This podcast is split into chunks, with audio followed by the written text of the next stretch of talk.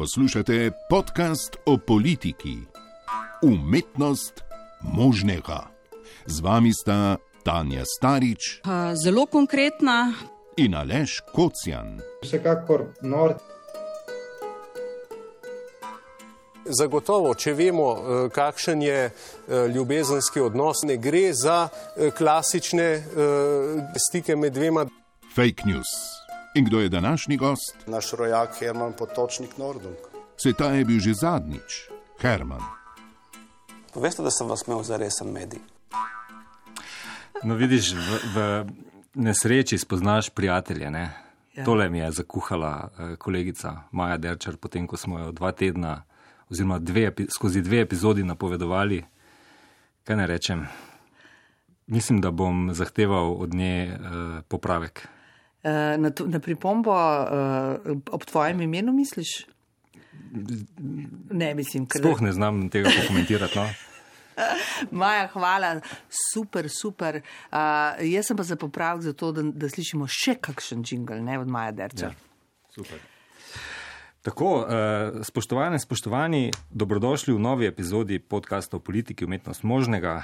Že 12. v drugi sezoni se družimo, eh, tokrat z tedensko zamudo, ker je eh, najna današnja gostja eh, tik pred prejšnjim snemanjem morala sodelovanje odpovedati, pa nismo našli alternative, tako da smo tukaj z enotedensko zamudo.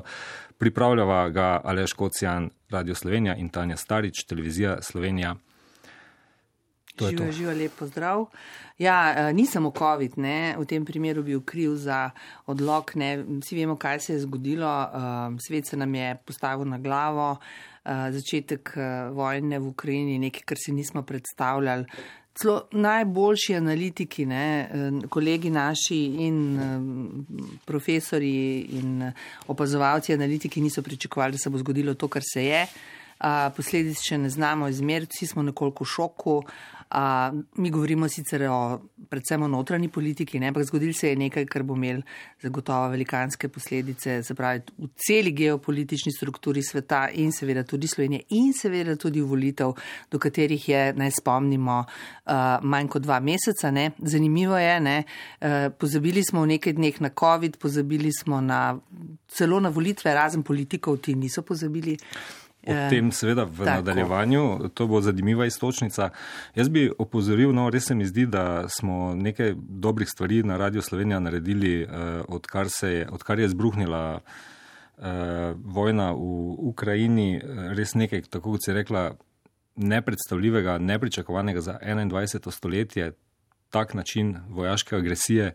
In res se mi zdi vredno izpostaviti misel, ki jo je uh, delil uh, s poslušalci naš eh, dopisnik iz Združenih držav, Andrej Stopar, sicer bivši uh, dopisnik iz Moskve, pa tudi nekdani odgovorni urednik Radia Slovenija, da v mednarodnih odnosih bodo analitiki morali um, upoštevati pri analizah tudi psihološko, uh, psihološki profil voditeljev. Um, ker te poteze, uh, vse do zdaj nisem še zasledil, uh, Putinove poteze še nihče ni znal um, nekako dobro, racionalno utemeljiti.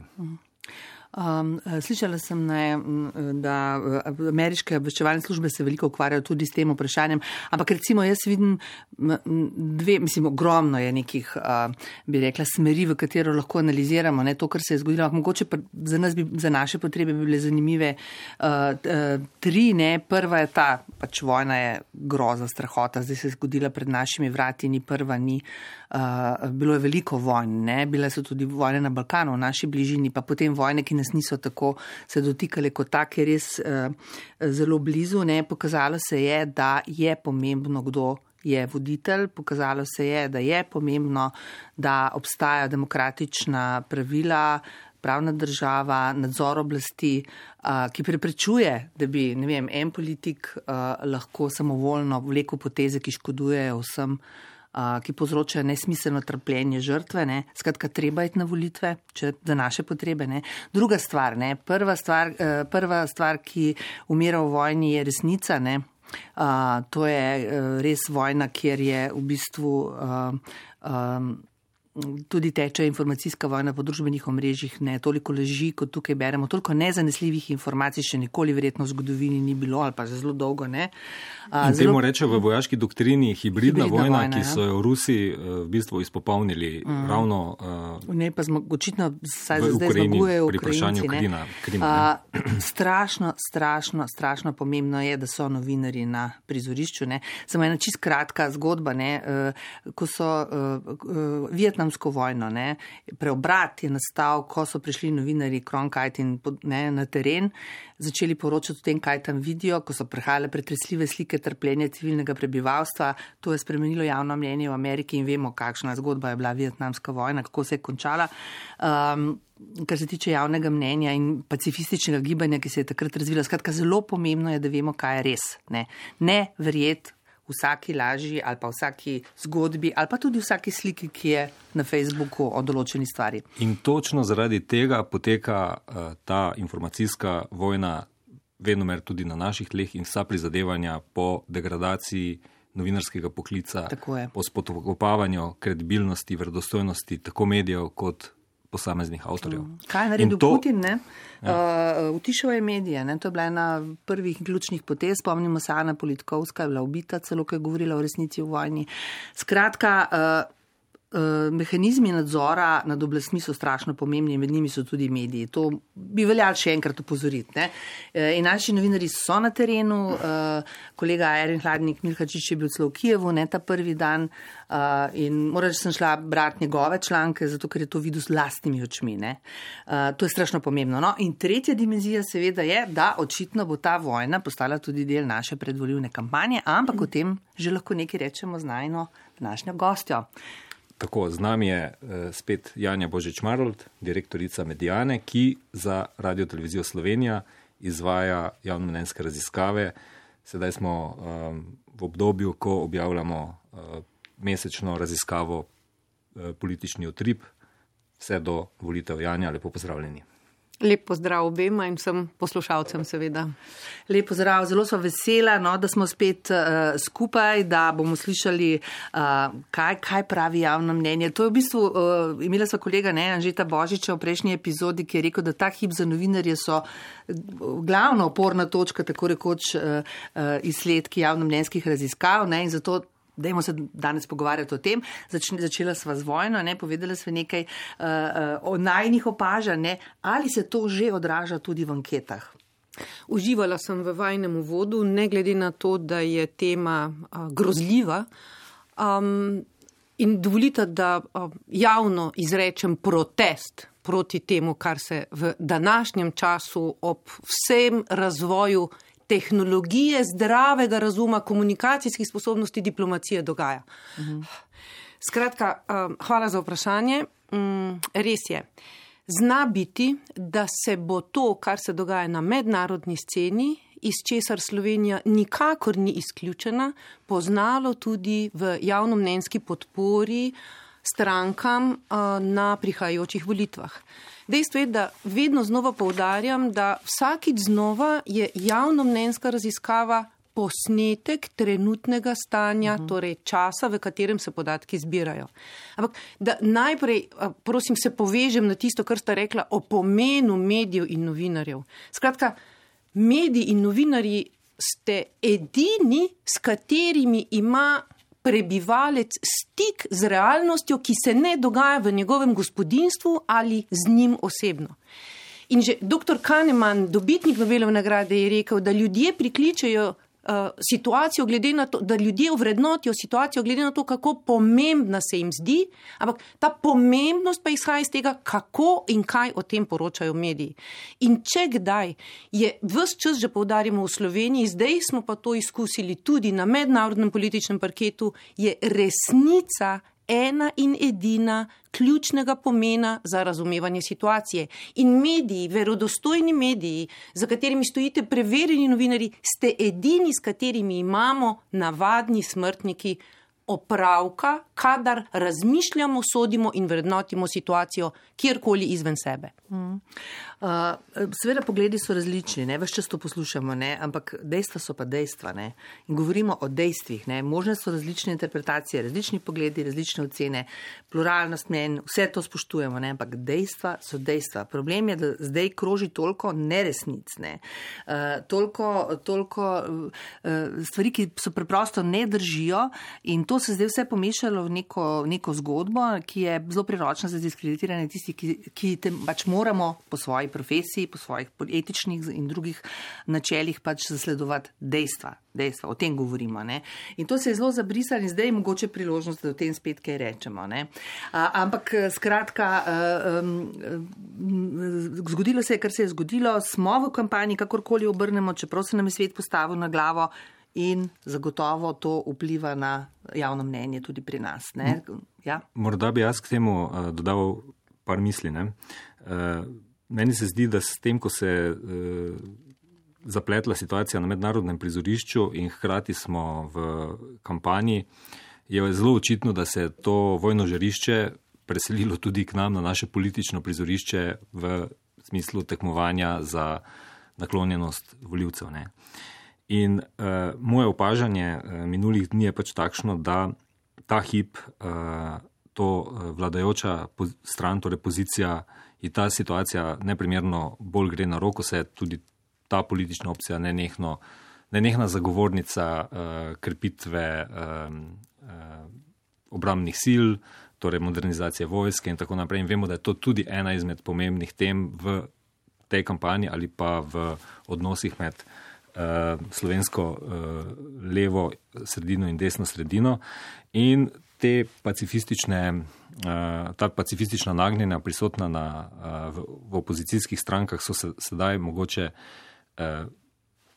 v, v slabšem položaju, ne, njihova izhodišča in razmišljanja, kot pa um, pri koaliciji. Ne. In če pogledamo ravnanja predsednika vlade v zadnjih dneh, vidimo, da um, je. Da spretno izkorišča to uh, situacijo, dobro, spretno ali ne, zagotovo zelo očitno.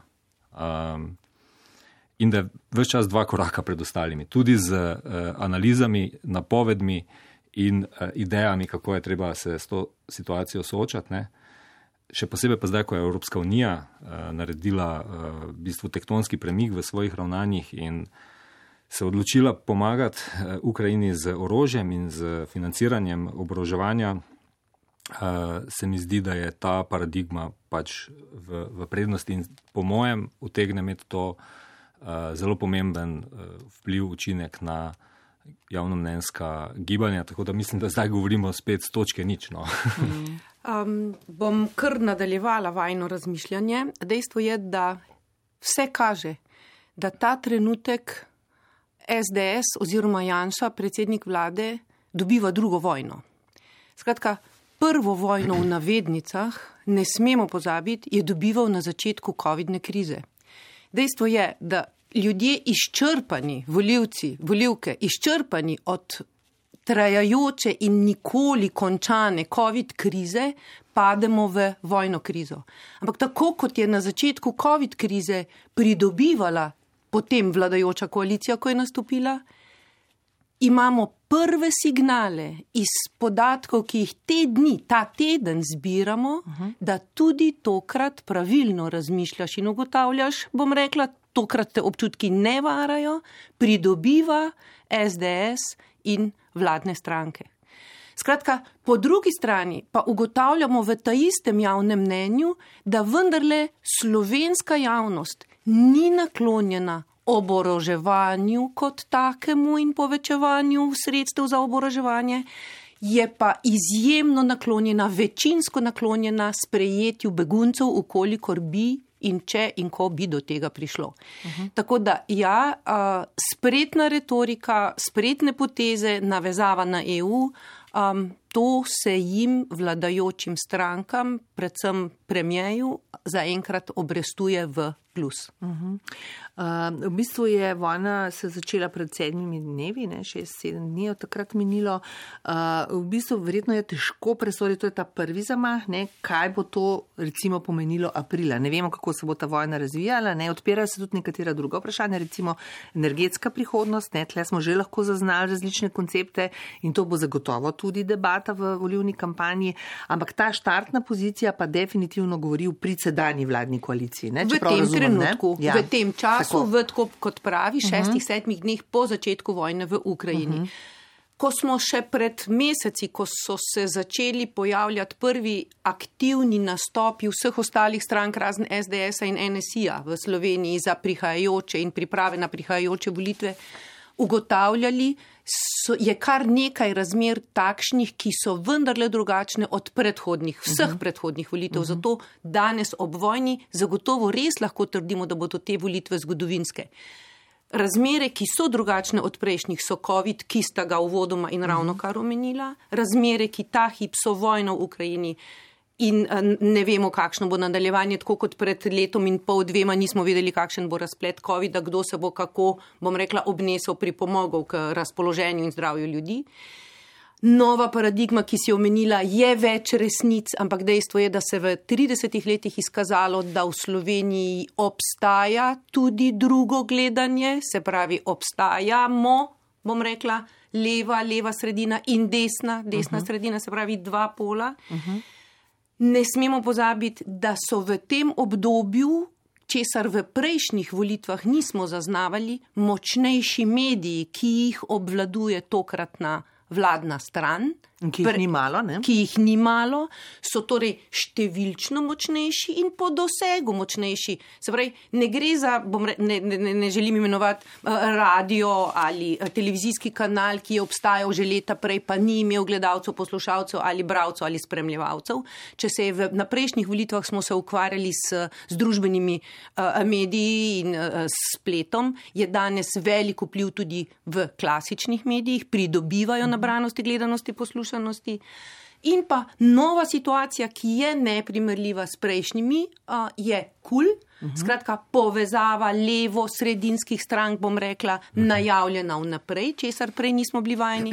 In pa novost pred letošnjimi volitvami so tudi povezovanja na desni sredini in številne nove stranke na desni sredini. Tako da je več dejavnikov, ta hip je pač najmočnejši, res ukrajinska uh -huh. vojna. Um, v kateri se bodo vsak na svoj način seveda morale znajti tudi stranke, ki nastopajo v Sloveniji za glasove v Sloveniji. Uh -huh, se bodo mogli jasno opredeliti. Uh, dobro, preden gremo v uh, podrobnosti, kako ne, so zdaj razvrščene po tem javnem, trenutnem javnem mnenju, mogoče samo to, ne, ne samo novinari klasičnih medijev oziroma mi, klasični mediji na udaru, če temu lahko tako rečemo, so tudi uh, um, ankete javnega mnenja. Ne, ogromno polemik je o tem, češ ustvarjajo javno mnenje, ga ne, ga ne merijo, ampak ga ustvarjajo, so pristranske, so neverodostojne. No, a rečemo nekaj o tem. No.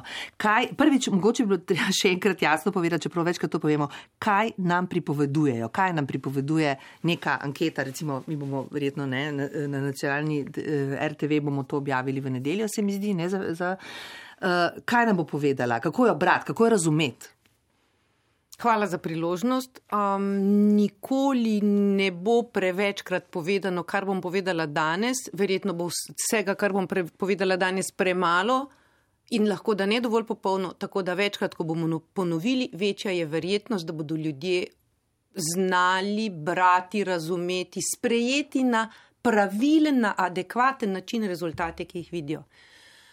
V nedeljo zvečer, eh, oziroma v potem nadaljevanju tudi na vseh ostalih medijih, boste objavili eh, podatke o tem, kolikšna je volilna podpora strankam, ki bodo nastopile na volitvah 24. aprila, kakšno je javno mnenje v podatkih, ki so zbirani teden dni prej. Uh mhm. -huh. Glede na to, da se 10 odstotkov ljudi odloči na dan volitev, glede na to, da se 30 odstotkov ljudi odloči, kar kažejo vsi rezultati uh -huh. iz prejšnjih raziskav v Sloveniji, odloči v zadnjem tednu prej, je nemogoče iz teh podatkov, ki bodo objavljeni v nedeljo ali so bili prejšnjo nedeljo kje drugje, sklepati na končni izid volitev. Tudi zato, ker v javnomnenskih anketah v prikazovanju rezultatov vedno prikažemo tudi deleže tistih, ki ne vedo, koga bi volili, niso še odločeni, ne bi šli na volitve in tako naprej. Hkrati je pa ključno razumeva, za razumevanje, da ti podatki odražajo javno mnenje med slovensko volilno populacijo. Uh -huh. Podatek, ki ga ne prikazujemo, je podatek, kolikšna je volilna podpora na volilnih udeležencih, kajti vemo, da se je v preteklosti udeleževalo volitev okrog polovica ljudi. Letos, volilnih upravičencev, uh -huh. pardon, letos se pričakuje, da bi bil odstotek, lahko kakšen odstotek višja volilna udeležba, ampak proporcionalno zmanjševanje ali povečevanje odstotkov na polovico ali na 60 odstotno udeležbo je nedopustno. Torej, javno mnenjsko razpoloženje, glasujejo, oddajo glas pa, bom rekla, vsak drugi, ne vsi, ki krojijo javno mnenje. Za razumevanje podatkov pa je zelo pomembno tudi to, um, da je vzorec slučajen in reprezentativen. Lahko je eno in drugo, eno ali drugo ali nič od tega. Kakšen je vaš? Podatki, ki jih boste vi objavili, ki, za katerimi stojimo mi, inštitut Medijana, sebujejo in temelijo na reprezentativnem slučajnem vzorcu. Reprezentativno pomeni, poenostavljeno rečeno, da ne anketiramo samo upokojencev v domovih za ustarele ali študentov v študentskih domovih, če govorim o dveh skrajnostih. Pač pa so proporcionalno enakomerno udeleženi v zbiranju podatkov, stari in mladi, proporcionalno glede na starost, proporcionalno glede na regijo, glede na izobrazbo in glede na spol. Se pravi, glede na osnovne demografske. To je reprezentativen. Presek, Zato govorimo o, ker je vzorec reprezentativen, ga lahko ekstrapoliramo na celotno slovensko populacijo. Druga reč, ki pa je tudi pomembna, je pa, da je vzorec slučajni. To pomeni, da v osnovi ima vsak državljan biti možnost izbran v sodelovanje v anketi. To zagotavljamo v tem primeru s tem, da izberemo slučajno telefonske številke, na katere kličemo. In ker kombiniramo telefonsko anketiranje s spletnim anketiranjem na ljudeh, ki so v slučajnem izboru na telefonu ali na terenu imeli možnost biti izbrani in privolili v sodelovanje, je tudi ta vzorec na spletu reprezentativen. Ne gre za ljudi, ki se angažirajo v katero koli smer, so proti komu ali za koga, da bi bili ti posebej povabljeni ali udeleženi. Uh -huh. Teh preprosto ni. Vzorec je torej slučajen in reprezentativen. Eh, ponavadi eh, agencije izvajajo anketo oziroma raziskavo na vzorcu 700 ljudi. Eh, vzorec, ki ga imate v tej posebni raziskavi za RTV Slovenija pred volitvami, ki se imenuje politični utrip, pa je na tisoč respondentih. Kakšno razliko ustvari teh dodatnih 300 ljudi oziroma zakaj je tu neka številka 700 ljudi? Primerna za raziskavo na območju Slovenije? Zelo zahtevno vprašanje, bi, eh, na katerega bi lahko odgovarjala dalj časa in vsem strokovnjakom se vnaprej upravičujem, ker ga bom poenostavila svoj odgovor. Gre za minimalno razliko med končnimi podatki, pridobljenimi na slučajnem reprezentativnem vzorcu na 700 ali 1000 ljudeh. Zakaj gre? Večji kot je vzorec, bolj natančna je lahko ocena dejanskega stanja. Ne smemo pozabiti, da imamo opravka z ljudmi, ki odgovarjajo na vprašanja in da je zato vsaka raziskava bolj ali manj dobra ocena dejanskega stanja. Razlika je minimalna, bom povedala na enem samem primeru, če je stranka v eni raziskavi na vzorcu 700 dosegla 16 odstotkov, se ta podatek giblje v intervalu zaupanja med 16,4 med 13,7 in 19,1, oziroma če je 15 v drugi raziskavi med 12,8 in 17,1. Se pravi, razpon gre za različen razpon. Večji kot je vzorec, manjši je razpon, v katerem bi morali gledati podatke. In kar zlasti politiki. Včasih celo mi sami raziskovalci ali novinari pogosto pozabimo, je dejstvo, da če stranki zraste, rečemo radi ali preberemo, slišimo, vidimo podpora za eno odstotno točko, to sploh ni rast, ker je še vedno v resnici v intervalu zaupanja, kjer ni rasti ali paca. Zato pogosto opozarjam, da ko se kdaj kakšen podatek iz raziskave v raziskavo prevesi za en, dva, tri odstotke, odstotne točke, za en, dva, tri odstotne točke, da je potrebno počakati na trende, da se vidi, ali se res podpora določeni stranki giblje na vzgor ali na vzdolj, iz meseca v mesec, odstotna točka ali dve, ne prikazuje v resnici nobenih razlik.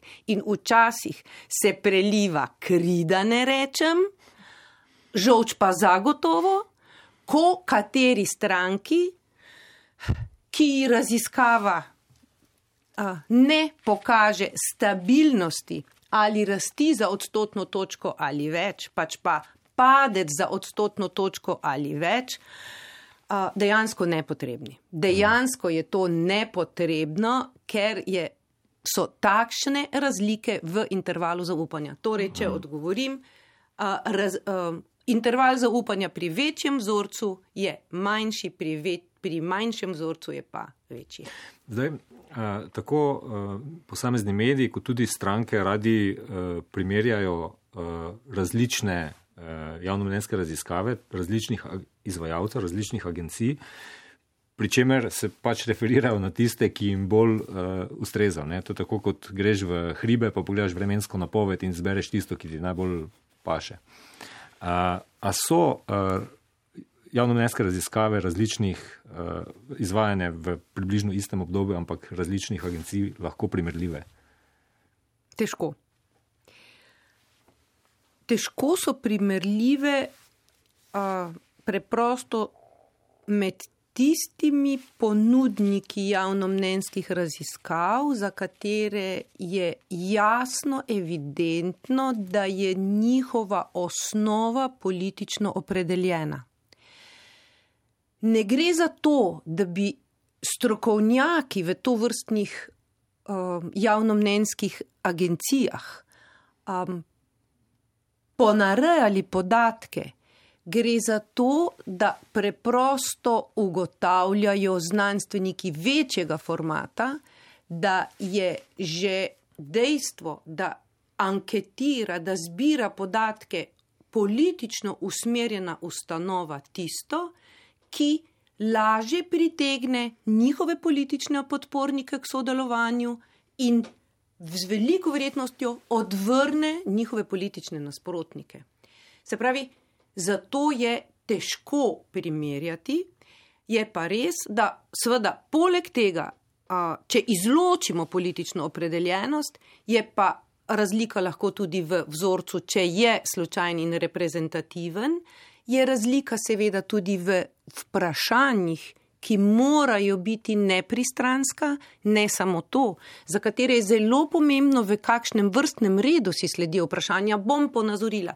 Če mi sprašujemo ljudi, pogledajte, kaj vse dobrega so zdaj v zadnjem času naredili, ne, kako bi vi podprli to in to stranko, bodo odgovori drugačni, kot če rečemo, pogledajte, kaj vse se je zakuhalo v tem zadnjem času, bi zagotovo bili podatki o naklonjenosti določenim strankam različni. Se pravi, več je stopen, na katerih mora biti a, ponudnik oziroma izvajalec javnomnenjskih raziskav pozoren, previden in pravijo, da a, naj bi člani ESOMARja, to je Svetovnega združenja a, raziskovalcev, vendarle zagotavljali nepristransko, strokovno in seveda tudi etično zasnovo in izvajanje raziskav. Kaj ti ne smemo pozabiti, pravim, opravka imamo za, z ljudmi in nihče od anketiranj, od podjetij, ki izvajamo ankete, ne sme nikogar prisiliti k sodelovanju, kajti sodelovanje je, respondentov je prostovoljno. Tako kot tudi na volitvah. Uh -huh. Res je, res je, ampak mislim, da vendarle čutijo večjo dolžnost, moralno, eh, eh, državniško, demokratično, da sodelujo na volitvah, kot pa da sodelujo pri anketah. Samo dve agencije ne, sta v, v, v, v, tako, v Esomarju, eh, Medijana pa Valikon. Ne, pa Sloveniji, Valikon ne? pa Epicenter. Uh mhm. -huh. Do včeraj, vedno rečem, je veljalo do včeraj, do včeraj. ker lahko da bi od mhm. danes dalje bilo že drugače. -huh. ja. Sem morda še govorim o tem, mislim, se mi zdi pomembno to pojasniti, no, zaradi vseh teh dilem in polemik in, in, in uh, gneva, ne, ki se razliva, ne, uh, kako nastajajo te ankete. Veliko, uh, pravzaprav uh, cel, cel ta plas očitkov je nastal zato, ker se je na uh, javnomedijskih anketah pojavil Robert Golob. Ne, Um, in njegova stranka. Um, zdaj, mene zanima, ko sprašujete recimo o priljubljenosti politikov, kako uh, je to, je to na, pri, uh, torej, na priklic ali vi že poveste, kaj mislite o tem, tem, tem in tem in kako uvrščate te politike na te sezname? No, Um, zelo dobro vprašanje, že spet. Uh, pa bom izkoristila priložnost, da povem, da je to vprašanje o ocenjevanju dela politikov v raziskavah medijane zastavljeno respondentom potem, ko izmerimo podporo strankam. Zakaj? To je ključnega pomena. Zato, da najprej dobimo podatke o podpori strankam in šele potem ljudem ponudimo nabor ljudi, katerih delo ocenjujejo.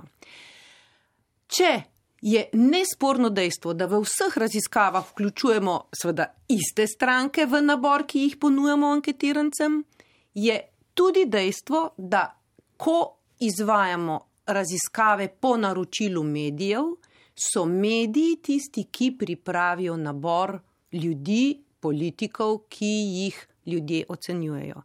In ja, pravilno ste opazili, so razlike, so pa razlike, bom rekla, pod katere se celo podpišem.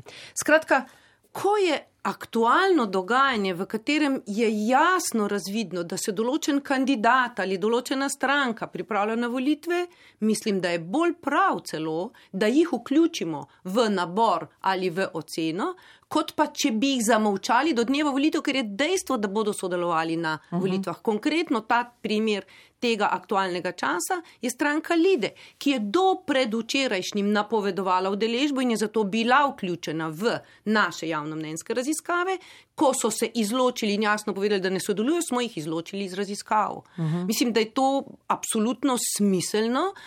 Tudi za, bom rekla, olimpijske igre 2024 ne bodo v finalu Nemci in, in američani v košarki, lahko da bodo, ampak ni nujno. In ne moremo izhajati iz preteklosti, pač pa moramo biti Se aktualni. Pravi, vključiti aktualne akterje, ne tako, tiste, ki še le napovedujejo. Recimo, tako. Ne? In doslej je bilo, doslej do, do, do goloba, da ne rečem, je bilo tudi tako, da ko so se pripravljale evropske volitve so se vključili kandidati za evropske poslance, ko so se, vključi, ko so se pripravljale lokalne volitve, so se vključili kandidati iz večjih občin, no bom priznala, za občinske, za lokalne volitve. Tako da menim, da je to uh, seveda utemeljeno. Uh -huh.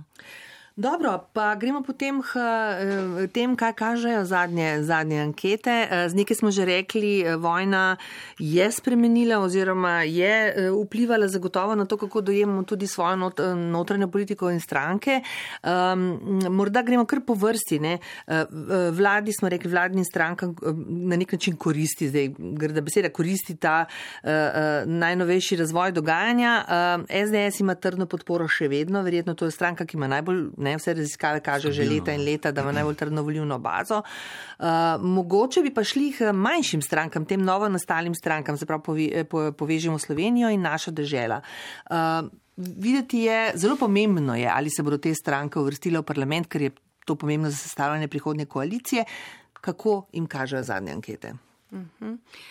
Res je, SDS ima še vedno najmočnejšo, jed, najmočnejše jedro in največjo podporo mm, med zvesto volivno bazo. Z, svojimi voljivci, kar sem uh, si pomagala tudi z našimi podatki, ki so mi jih pripravili kolegi, kjer smo gledali dejansko, kdo, odkje prihajajo voljivci sedanjih strank iz preteklih uh, volitev iz leta 2018.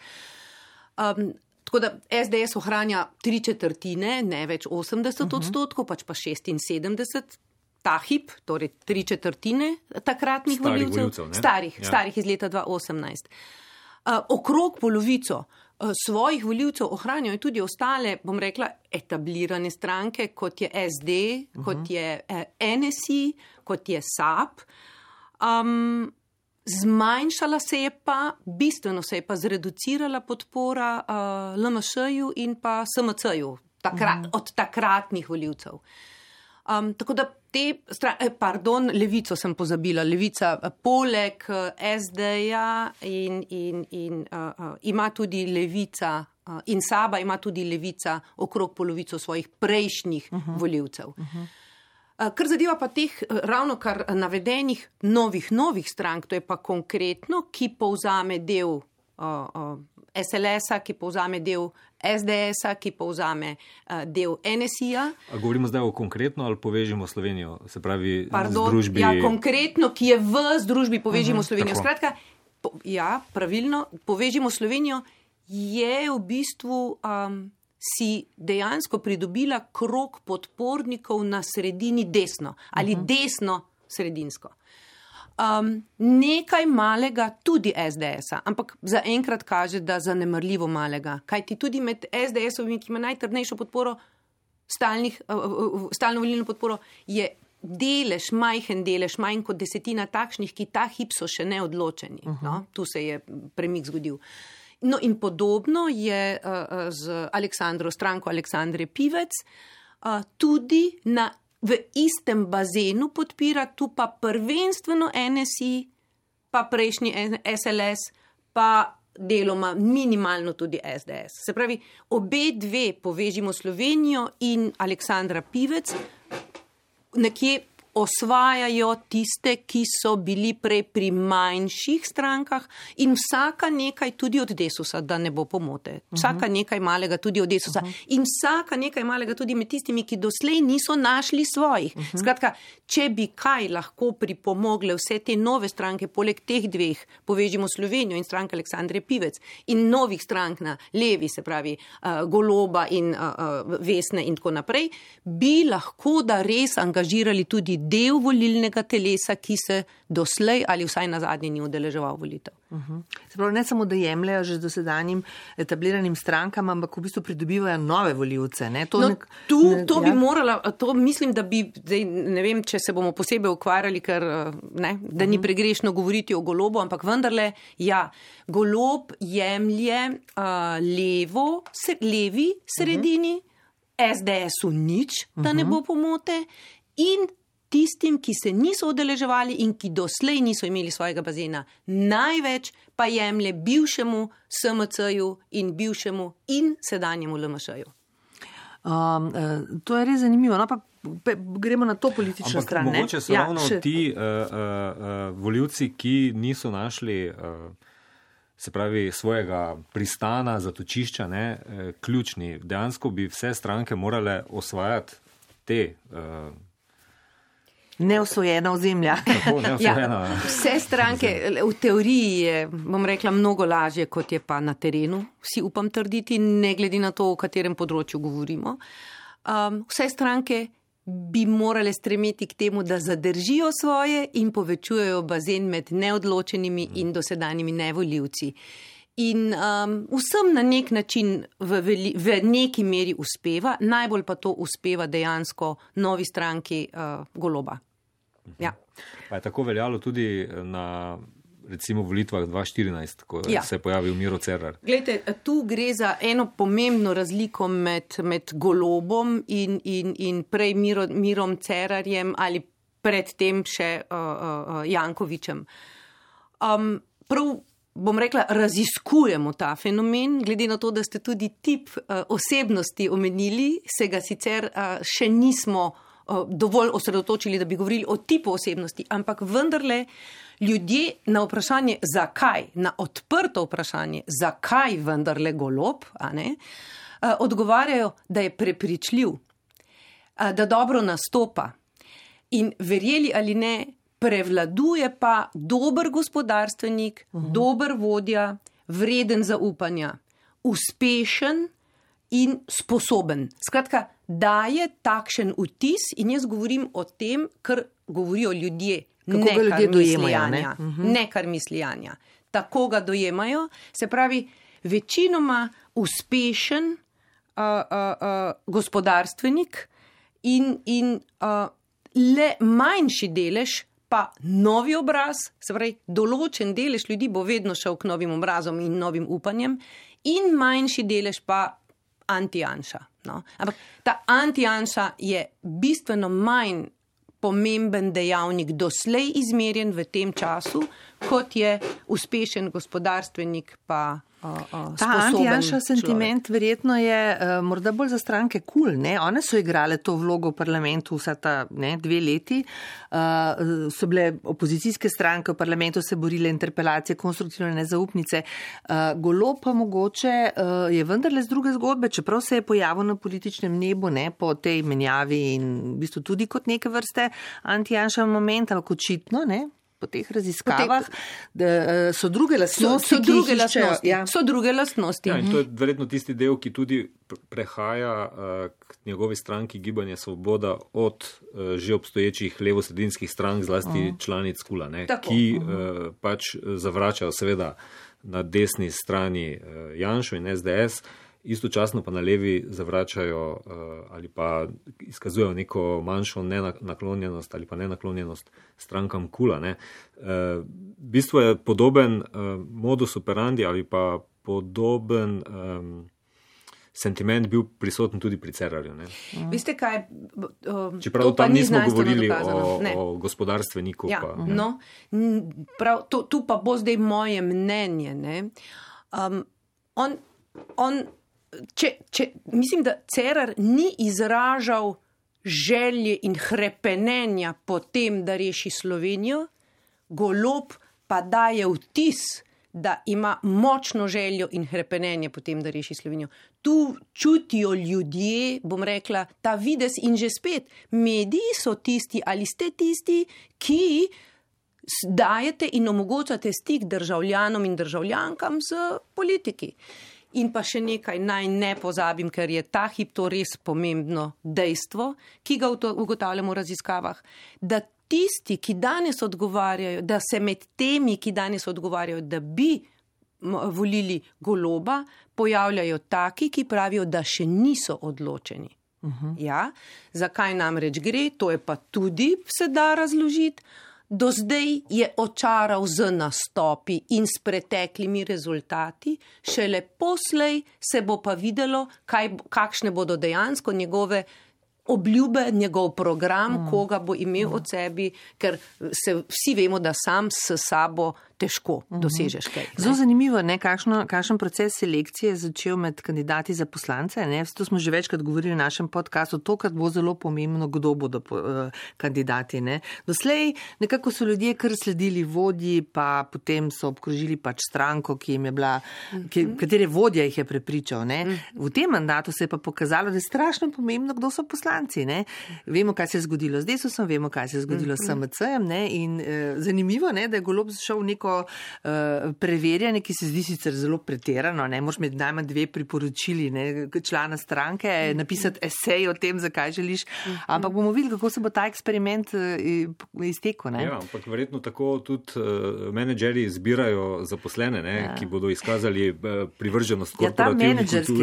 No, menedžerski ta... aspekt se meni tudi zdi zelo pomemben. Zakaj? Ne? Zato, ker vsi živimo, to so pa okoliščine, smo, mm. o katerih smo govorili. Ne? Imamo dve leti COVID-a za sabo, dve leti negotovosti, vojno na pragu. Ne.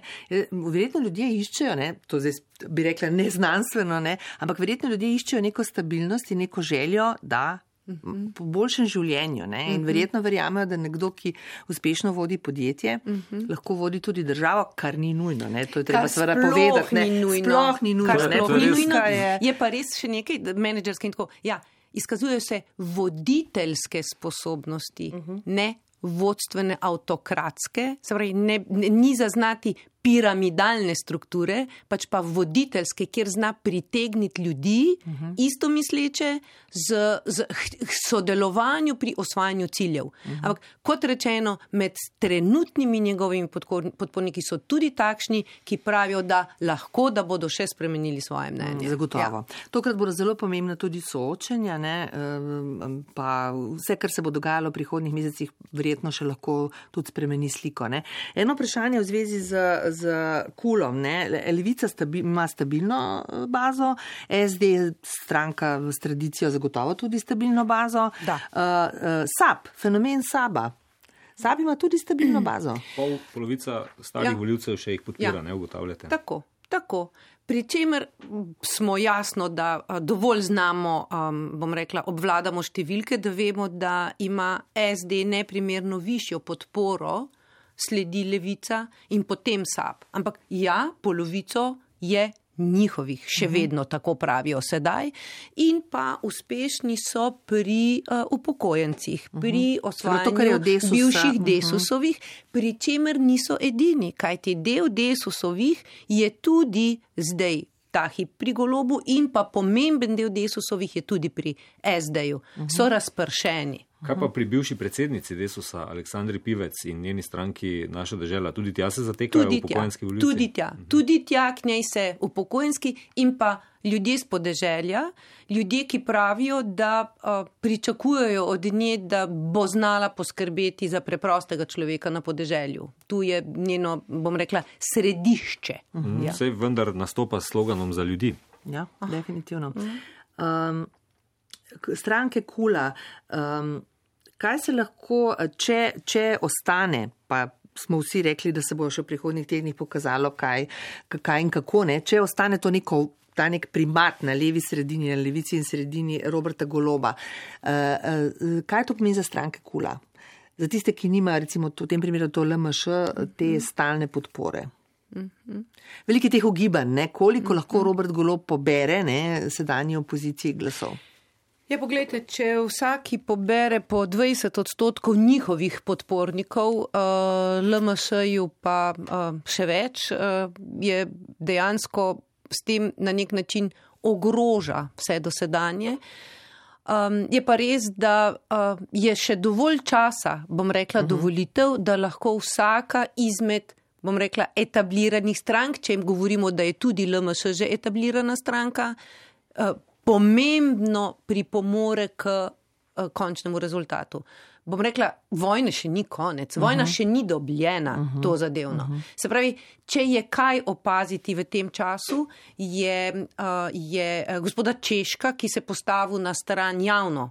Postavil na stran SD-ja. Uh -huh. So na ožjem štabu, ne svetovalec. Kjer, ja. no, kjer, kjer, kjer so o, Fajonovi, bom rekla, večkrat učitali, da o, če pa kaj njej manjka in če je kje šipka je na področju gospodarstva, in on zdaj pride in rešuje to, bom rekla, situacijo na področju gospodarstva, tudi s tem, da pravi, da je dovolj 30 let, da so prihajali na oblast ljudje, ki so jemali državi, da je čas, da prihajajo na oblast ljudje, ki ustvarjajo neko vrednost. Uh -huh. Kar seveda je na nek način, bom rekla, že podjetništvo in uh -huh. na nek način že. Uh, bom rekla, kliče tudi po delu programa NSI-ja. Ampak uh -huh. vendarle, skratka, vsak, pričakujemo lahko, da bo vsaka stranka našla še svoj modus operandi za pridobivanje glasov uh -huh. in si ne predstavljam, da bi katerakoli od teh strank pokleknila danes pred gibanjem Svoboda. Uh -huh. Mislim, da to bi bilo uh, absolutno nespremljivo za njih same kot voditelje in za njihove dosedanje podpornike. Uh -huh. To je bistveno prezgodaj, ne? Absolutno. Uh, mogoče še to ne, uh, veliko se ogiba o tem, prelomne volitve, res so prelomni časi, uh, udeležba. Kako, z, kako so, so ljudje, recimo, če primerjamo s prejšnjimi volitvami, ne, so ljudje bolj angažirani, si bolj želijo. Vidimo, da se, civilno-družbena gibanja so dejansko bolj aktivna, kot so bila, so se vključila v kampanjo. Lahko pričakujemo tokrat uh, boljši, boljši odstotek udeležbe?